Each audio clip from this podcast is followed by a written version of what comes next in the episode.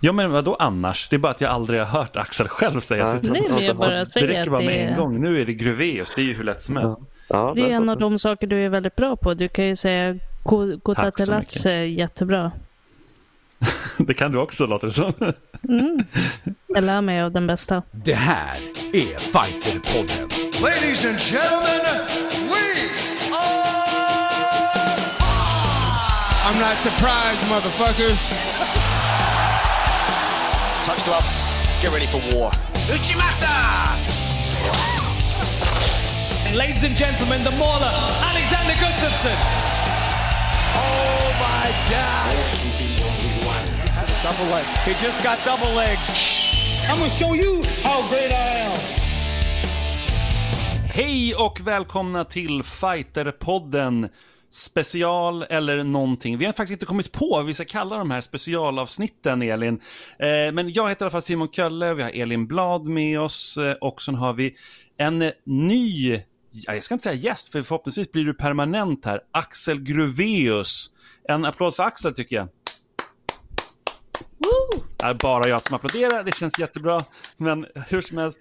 Eh, Jag behövde ställa ner micken, så det, jag skyller på det. det. Det är väldigt mycket admin när man sitter hemma och inte har en fin radiostudio som håller ordning på allt. Ja, men exakt. Det ska vi ju säga att vi sitter hemma på varsitt håll och eh, nu är tanken att vi ska köra då specialavsnitt. Vi ska försöka komma med dem varje vecka. Där pratar vi lite om det senaste eh, bara och vi har 25 minuter på oss. Vi ser ju, det, kommer, det gör ju inte ni som lyssnar på det här, men vi ser ju faktiskt en klocka som tickar ner. Så man blir lite så här, eller vad säger du Elin?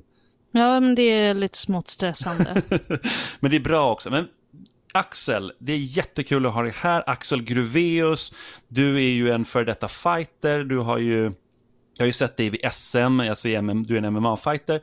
Eh, Du kanske har fightats mer, det får vi lära känna dig lite senare. Men nu är du ju skribent och driver en sajt, den nyaste, liksom hetaste, den nya svarta som är, som är en sajt som heter MMA-telegrafen, MMA-telegrafen.com som eh, fokuserar jag ska inte säga bara, men det är bara Jo, men det, det är bara svenskt svensk MMA. MMA. Jajamän. Och eh, hur hamnade du här och eh, vad, vad är din story? Ja, vad är min story? Var började den? Det här är ju världens eh, svåraste fråga. Men, nej, men som du säger, jag, jag har eh, fightats en del. Det var mitt lilla självutvecklingsprojekt, eh, får man väl eh, kalla det. Och sen så därifrån har man eh, tagit det vidare på, på andra sätt. Just nu är jag involverad i sporten då som eh, tränare, driver klubb och Eh, det finns ett liksom lite, lite tomrum, framförallt senaste år då efter att eh, ja, men, eh, efter Fighter Magazine inte fanns kvar i sin fysiska form och, och så vidare. Men det, det blir det väl ändring på eh, framöver. Men, men just det här tomrummet, att alltså, det finns så mycket fantastiska fighters och så mycket eldsjälar ute i svensk MMA som inte får den uppmärksamhet och täckning den, den förtjänar. Och sen ser jag också här, ska MMA kunna utvecklas som sport och så, det krävs en, en seriös eh, sportjournalistik som en, eh, som en del i, i det här och eh, det är väl det som vi på MMA-telegrafen och, och tillsammans i det här formatet hoppas kunna vara en, eh, en del av. Ja, men det, det är det verkligen. Alltså, all form av kvalitativ journalistik som är riktad mot våra idrotter och framförallt att det är mer lokalt. För det, det finns ju några MMA-sajter på svenska, men väldigt mycket handlar ju bara om internationell fighting och det är väldigt mycket Conor McGregor hela tiden. Så jag tycker att det är uppfriskande att kunna få lite annat fokus på det nyhetsflödet, absolut. Ja, men vi, vi har ju en annan ingång för, för inte den här sports entertainment-ingången, eh, utan mer just en sån eh, kanske lite mer ja, klassisk eh, journalistisk och eh, ja, föreningsnära ingång till, till det här sättet att se på, på sporten och hela. Ja men grymt, alltså, jag, jag tror att det behövs. Det behövs ju nya och nu, men det händer ju ändå grejer just nu i världen och det är de vi ska ta. Fast de är, Kan vi snälla prata om John Jones? För det här kom ju verkligen, vi, vi spelade ju in förra onsdagen. Och det var ju typ en, strax efter att vi hade lagt på så briserade den här nyheten. Så det har kliat i mig att vi ska prata om det.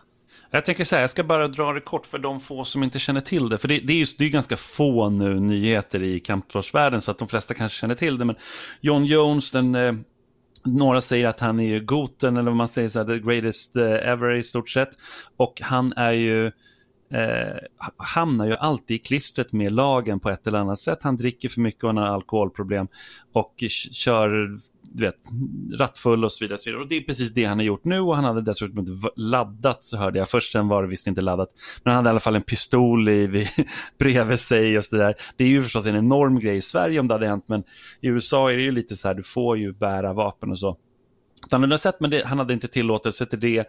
Och polisen tog honom och det läckte väldigt snabbt och eh, han var ju också full då och det väldigt, väldigt tidigt så gick många stora sajter ut och sa att hans karriär var slut och det kom långa krönikor om det. Och så. Det är lite nyhetstorka så det är klart många liksom kör på det här väldigt hårt, men sen visade det sig att han fick då fyra dagars eh, husarrest och 500 dollar i böter och sen ska man då gå 90 dagar eller vad det var i någon sorts terapi och, och han har gått ut och sagt att han er, eller erkänt att han har alkoholproblem. Men Axel, alltså, vad säger du generellt om John Jones nu och hans, den här situationen? Det verkar som att han kommer klara även det här.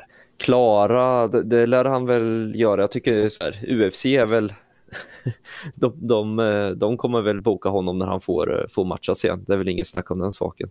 Sen är det väl tråkigt att han, eh, alltså för honom som person, om man ska ha någon slags empati där, att han har ju sumpat en stor del av sina förväntade inkomster genom karriären på sponsorskap och endorsements och, och sådana grejer genom, genom sitt handlande. Men det är väl en, jag vet inte, jag, jag tycker att om man, om man ska se vad, vad, saknar man lite, ja men det är väl kanske här är väl, eh, jag, tänker så med, med psykisk ohälsa och sådana saker i sport, att det, det, är inne att prata om, men bara när någon går ut och själv säger att ah, jag mår så dåligt och så vidare, men vi har inte riktigt kunnat identifiera så här, här är någon som beter sig liksom som att här, här står inte allt, eh, allt eh, rätt till, men ja, jag vet inte. Han har ju uppenbarligen lite problem med, med spriten liksom.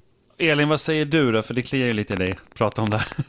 Alltså, jag, jag, har lite svårt faktiskt att tycka synd om John Jones, för det, det här är inte första gången och jag kan tycka att det är lite fattigt för honom att liksom gå ut och köra något gråtspel om att han har alkoholproblem. Alltså det, det är inte första gången det här händer. Han har gjort betydligt värre saker och uppenbarligen inte brytt sig tillräckligt mycket om sina problem då för att göra en förändring.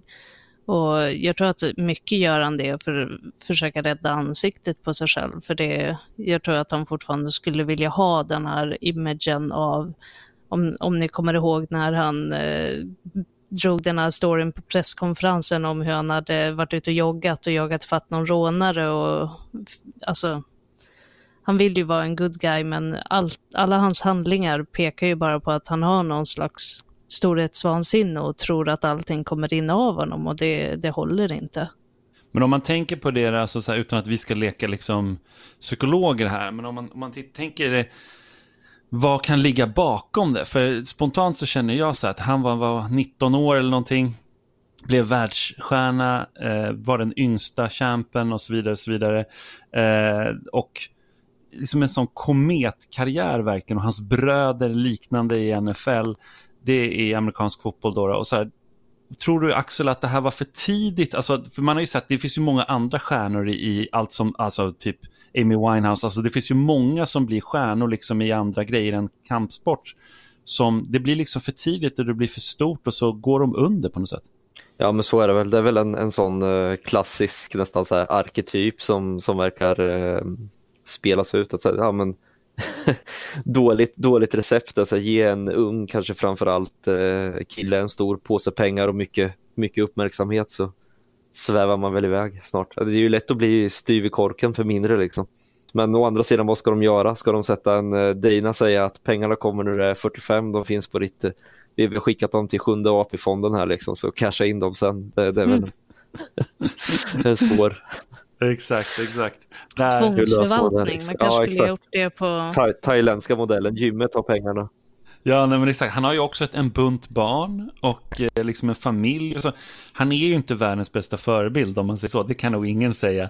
Men, alltså, eh, men ändå på något sätt så kommer han alltid tillbaka och han är med i olika alltså, eh, matcher då som vissa tycker är kontroversiella domslut och andra som jag då sist tycker inte att det var det. Men, men det, det är ju ändå så här, det börjar bli mer och mer tajt. Alltså det, kän, det kan nog ingen säga någonting om att han börjar bli, alltså mm, i alla fall fattsprungen. Han kanske inte är omsprungen, men vad säger du Elin? Nej, men det, jag tror att allt det här snacket om att eh, ens handlingar och så skulle få konsekvenser, att jag tror att det kan funka på många ställen, men är du värd så mycket rent pengamässigt för UFC som John Jones är, så, så tror jag att eh, så, så länge de kan så kommer de försöka förlåta och sopa undan, för allting där handlar ju egentligen om att driva pay per view intäkter i slutändan. Och det, det är ju därför man fortsätter se McGregor kasta saker i bussar och fortfarande få gå matcher. Alltså det, är du värd tillräckligt mycket så får du väldigt mycket teflon av dem. Så. Men den biten tycker jag var eh, intressant. Liksom, var, hur kommer man komma ihåg eh, Jones efteråt rent eh, idrottsmässigt? Jag kan nog tro att, så här, att han att han gör de här eh, snedstegen och verkar ju prioritera att eh, supa och köra bil för att träna ordentligt inför eh, matcher ibland. Att, att det kommer ju vara en sån sak som gör att men även om eh, tio år kanske när, när Jones gör något annat så säger man att så, ja, men hade han inte eh, gjort X, Y och Z så hade han varit ännu bättre, då hade han mosat alla och så vidare. Så att, eh, lite, lite sjukt nog så kommer ju det här hjälpa till att hålla hans eh, minne vid liv efter han har lämnat sporten på något sätt, tror jag. Det blir liksom en del av mytbildningen. Ja, men verkligen. Ja, men det är ju så. Det, och det är ju det är en karaktär. Det kan ingen säga någonting om. Sen är det ju bara att vi tycker att det är en sorglig karaktär. Alltså det, det är väldigt synd om det, så, alltså, såklart. Eh, vi ska snart gå vidare, men säg någonting mer, Elin, om det här. Vi måste vi ha lite fler nyheter vi ska prata om. Nej, men jag tycker att det är så intressant just det här du säger Axel om att eh, det här kommer skapa hans karaktär. För om, när man tänker tillbaka på idrottare, alltså, du minns dels de som är bäst och så minns du de som är mest kontroversiella. Alltså om vi tar en annan idrott och man tänker på eh, på till exempel friidrott så alla kommer ju ihåg de som har varit bäst, det vill säga Christian Olsson, Stefan Holm och Carolina Klüft, men du kommer ju också ihåg Ludmila Engqvist för att hon var så stor och sen att det kom fram att hon var dopad. Men det är ju de sakerna som hänger kvar. Det är ju bara att tänka på den här konståkerskan eh, Tonya Harding som lejde någon snubbe som skulle knäcka knäskålarna på, på en av hennes konkurrenter. Nancy Kerrigan där, just det. Nancy Kerrigan, ja, ja men sådana saker hänger ju kvar. Och det, vem är det som säger att vi inte kommer se en film om John Jones när han körde på en gravid kvinna och stack iväg med pengar och koks efter det? Så. Ja, det får vi se. Det, det, kan ju mycket väl hända. Nej, men alltså, det, jag, jag håller med. Det kommer säkert bli. Vi ska gå vidare med fler nyheter, men eh, först det här.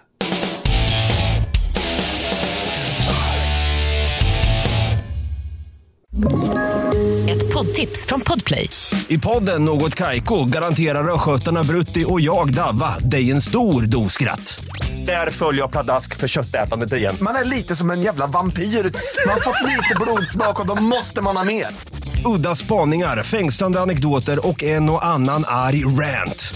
Jag måste ha mitt kaffe på morgonen för annars är jag ingen trevlig människa. Då är du ingen trevlig människa, punkt. Något Kaiko, hör du på Podplay. Därför är gardinerna.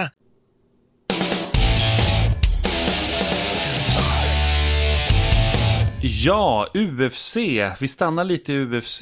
Det är ju kaos just nu. Vi, de rör sig vidare men inte riktigt. Eller vi får se. Vi, ingen vet riktigt. Tre galor har blivit inställda. Och 18 april skulle ju i alla fall eh, Habib Nurmagomedov möta eh, Tony Ferguson. Men ja, den ser inte ut att bli av. För eh, Habib han åkte ju till eh, till eh, Tjetjenien, eller åkte Dagestan rättare sagt. Eh, han åkte ju hem liksom, för han trodde att den skulle gå i Abu Dhabi och det har inte blivit så. Och eh, Joe Rogan har ju föreslagit att de ska göra den på internationellt vatten och flyga ut folk i helikoptrar och köra på en hangar, ett hangarfartyg. Det lär liksom inte hända, det är inte så troligt. Så att, eh, Men det låter väldigt häftigt. Ja men verkligen, och och Dana White också. Det här är en stor utmaning för honom. Men det, mycket tyder på att han, alltså Habib eh, inte får lämna nu landet, sitt hemland. Och eh, då kan det bli Gaethje då istället som eh, kommer få ta den här fighten. Eh, men alltså, vad gör de? För det är, ju, det är ju verkligen stora problem överallt i alla områden Elin. Men UFC om de missar den här, den största, kan man inte bara skjuta på den och köra den i sommar? Jag vet inte, alltså det, de känner väl att de måste producera någon slags match nu. Jag kan ju tycka att det är väldigt lägligt och att det skulle vara ganska ansvarsfullt att skjuta på den också. Sen fattar jag att som ett businessbeslut så är det jävligt svårt att ta. Med, och att de till, kommer försöka göra det, för de har ju också förmodligen kontrakt som de försöker fylla med sponsorer och så. Så att bara wipa ut den här galan och säga att vi kör den igen om ett halvår och vem vet om läget kommer ha blivit bättre då? Det är ju det också. Det är ju ingen som vet om det här kommer pågå i några veckor eller i ett år. Förhoppningsvis inte ett år. Men Axel, är det en förbannelse över den här matchen? Alltså vilar en förbannelse? Det är, nu är det femte gången alltså. Och den kanske inte blir av. Vilar en förbannelse över den? Absolut, frågan är bara om det är en, eh, någon gin som Khabib har dragit på sig eller om det är eh, ja, jag vet inte, dålig mexikansk voodoo som eh, Tony drar sig med. Nej, men helt klart så inte, vill inte stjärnorna, liksom, den, den eller de gudarna där ute tycker inte att det här sker. Så är det ju. eller hur? Ja, men alltså, men om vi bara skiter i det här nu då. Vi, vi säger att det, den här matchen blir av. Alltså förr eller senare blir den av. Hur, hur går matchen, Axel? Vem vinner? Jag tror ju på uh, Habib här, faktiskt. Alltså, det, det, är ju, det är ju en, absolut en av de mest uh, intressanta matcherna på grund av uh, Tonys sköna stil. Men det är liksom bara rent statistiskt. Alltså, du, du ska inte fightas en sån. Ja, det kanske du ska, men alltså han... han avslutar inte Tony Habib så tar han det på, på liksom alla domares kort, tänker jag. Alltså jag tror folk underskattar hur bra grappler Habib är också. Att han, alltså hade det inte det är inte bara att vara bra från, eh, från guard, från, från backen där, utan jag har svårt att se att han blir utlåst. Dustin Poirier var ändå ganska nära. Ja, absolut. Och Tony absolut. är väl bättre grappler än Dustin? Det skulle vara en Dars eller något i den stilen. Så jag, jag, tror ju att vad som händer är att vi inte, att vi inte ser de här eh, halv, eh, halvdjupa eh, skjuten utan att han går på sina liksom låga, låga, låga singellegs alternativt eh, kroppslåsen från, från buren där. De är duktiga gameplanners också. Så att, så här, ja, nej, men absolut, jag, jag, säger inte att det är Tony kan inte vinna utan bara säg eh, att jag har, eh, har 60-40 Khabib ungefär där. Och vad säger du då, Elin? Nej, men jag tror ju att Khabib skulle vinna den där matchen. Jag tror, också, jag tror att det kommer bli rätt spännande, särskilt i, i första typ två ronderna när Tony fortfarande kommer kunna hålla det ganska mycket stående. Men sen tror jag att det kommer bli bara allmän dominans av Khabib faktiskt. Ja, alltså det, det känns ju som att det är, väl, det är svårt att hävda någonting annat. 28-0 har han i rekord liksom och har ju verkligen manglat. Där kan man snacka om måler. Eh, han har verkligen manglat väldigt många. I, i... Men jag är också mm. helt öppen för att jag kan bli överraskad. Absolut, man hoppas ju det nästan. Eller så här, hoppas, hoppas. Men det är ändå så här, det är, det är ju någonstans så med någon så dominant. Det är ju, varför kollar alla på Mayweather? Det var inte jätteroliga boxningsmatcher Mayweather gjorde, men man ville säga, kommer han förlora nu liksom? Eh, det, blir, det blir ju lite sån eh, grej. Eh, vi ska göra så här att vi, vi rör oss vidare. Vi, vi kör ju ganska kort på varje ämne här, men jag vill bara passa på att tipsa er alla där ute också om att grejer man kan göra så här under coronatider. Och det är ju faktiskt att stödja och kolla på eh, gamla galor, alltså gamla och gamla, behöver inte ens vara gamla, det kan vara liksom MMA-ligan tänker jag på, liksom Frontier Open, eh, Battle 20 som till exempel finns att se i efterhand och sådär. Och alla de här olika galorna och så, eh, kanske inte exakt alla men väldigt många, kan man ju se på Fighter TV och jag tycker verkligen att man ska prenumerera där, in där. Det är en väldigt billig peng och det är verkligen en smart grej att göra om man vill hänga med lite. Det är ju, man, många har säkert missat de här. Du är ju en stor förkämpe för den svenska scenen, Axel. Eh, vad, vad, tycker du om att liksom, det här med Fighter TV finns och att man försöker, kan kolla i efterhand?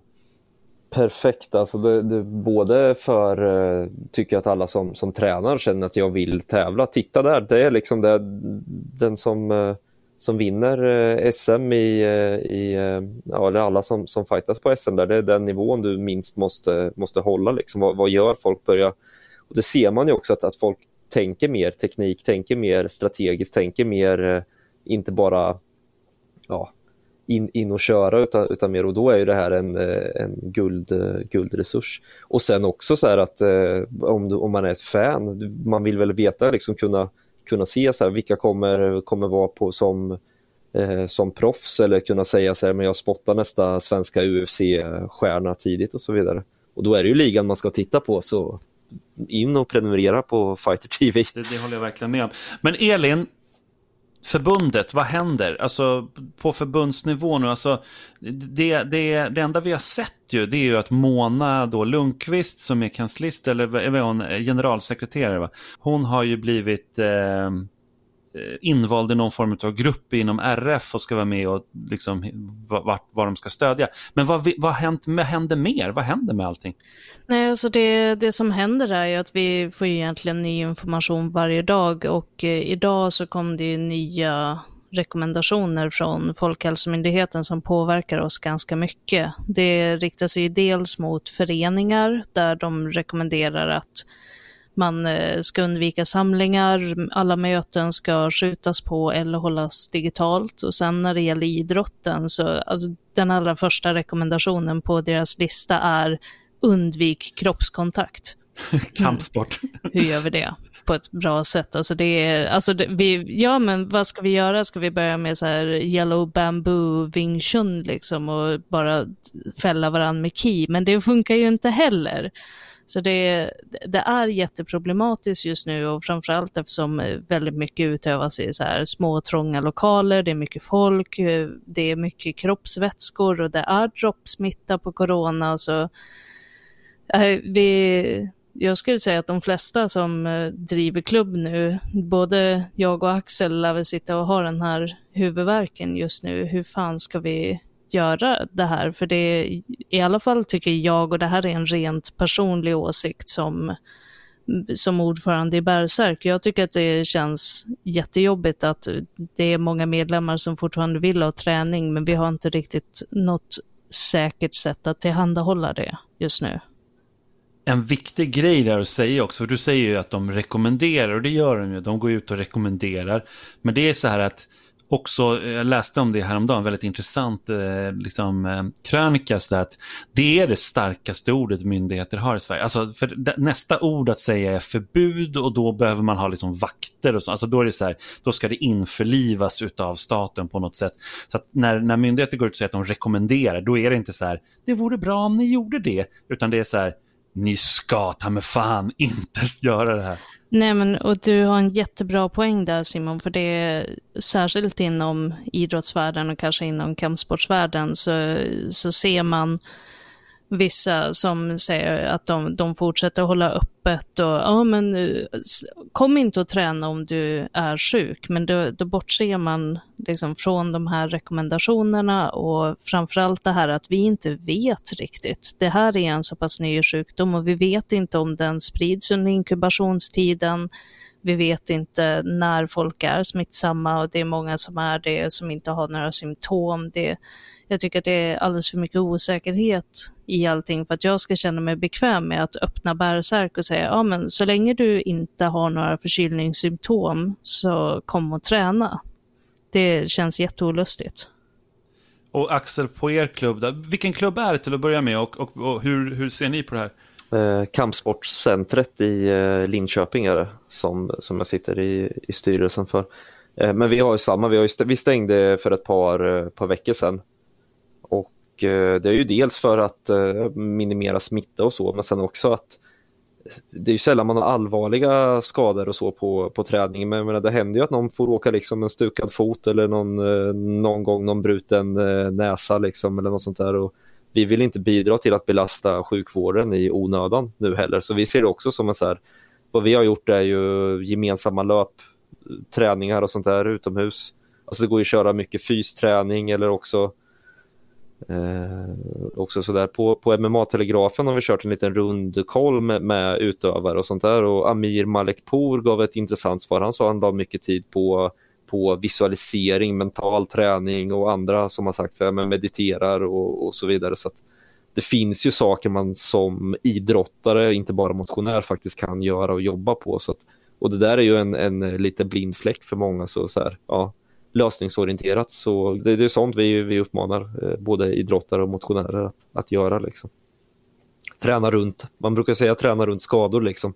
Du får väl träna runt en, en pandemi i möjligaste mån utan att då ha kroppskontakt och sådär.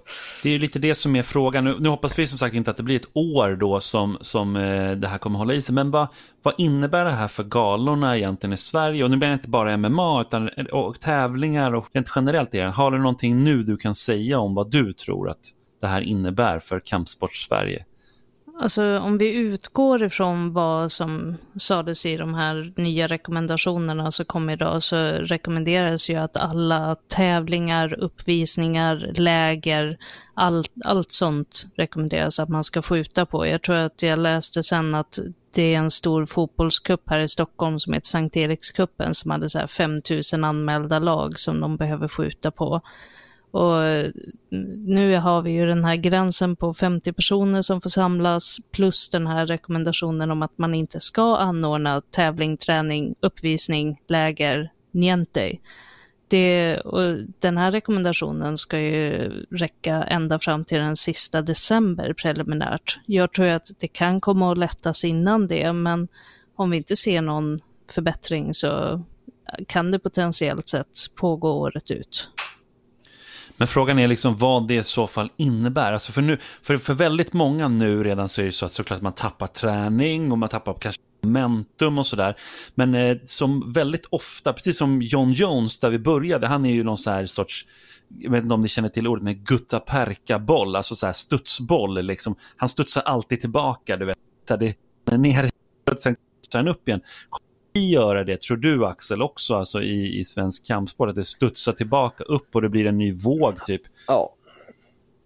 Ja, men en, en av de här sakerna som, som eh, det, det, finns ju någon sån här, vad ska, vad ska man säga, recency bias eller något sånt där. Man tror att så här, är jag borta två månader eller något sånt där så eh, kommer jag aldrig igen. Men alltså, det är ju, folk drar av korsband eller knäskador borta ett och ett halvt år och de som sköter sin rehab klarar det galant, liksom, kan komma tillbaka och idrotta och så. så det är, ju, det är ju mer mentalt jobbigt tror jag än att det var vare sig gör skada på, på sporten och så vidare. Sen är det ju såklart eh, ja, alla de som eh, har något ekonomiskt intresse, liksom, att arrangera galor eller Eh, Eh, jag vet inte, föreningsanställda, de som har dem som, som är beroende på typ eh, medlemsavgift och, och, och, sånt. Där kommer det ju vara en smäll rent kvalitetsmässigt för svensk kampsport, tror jag inte så mycket.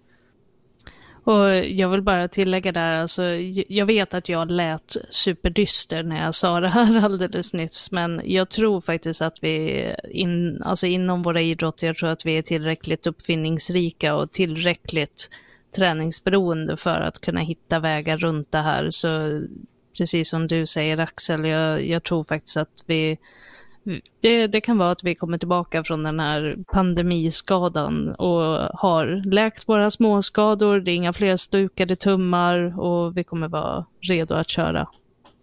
Absolut. Vi ska wrappa upp det här nu, men alltså nu, vi kommer ju återkomma varje vecka med den här typen av korta poddar, ungefär 25 minuter långa och eh, ta upp bara det nyaste, det senaste. Vill ni kontakta oss så gör ni det på fighterpodden at fightermag.se. Fighterpodden at fightermag.se. Hör av er, vad ska vi prata om dessa dagar? Vi kanske ska prata om någon speciell kampsport eller eh, vad man för olika träningstips eller bara generellt eh, fortsätter vi trumma vidare annars på att snacka om det senaste, nyaste. Stort tack Axel, stort tack Elin, jag heter Simon Kölle och som vi alltid säger och gör, Oss!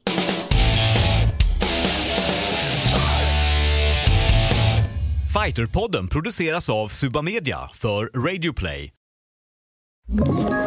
Ett poddtips från Podplay. I fallen jag aldrig glömmer djupdyker Hasse Aro i arbetet bakom några av Sveriges mest uppseendeväckande brottsutredningar. Går vi in med hemlig telefonavlyssning och, och då upplever vi att vi får en total förändring av hans beteende. Vad är det som händer nu? Vem är det som läcker?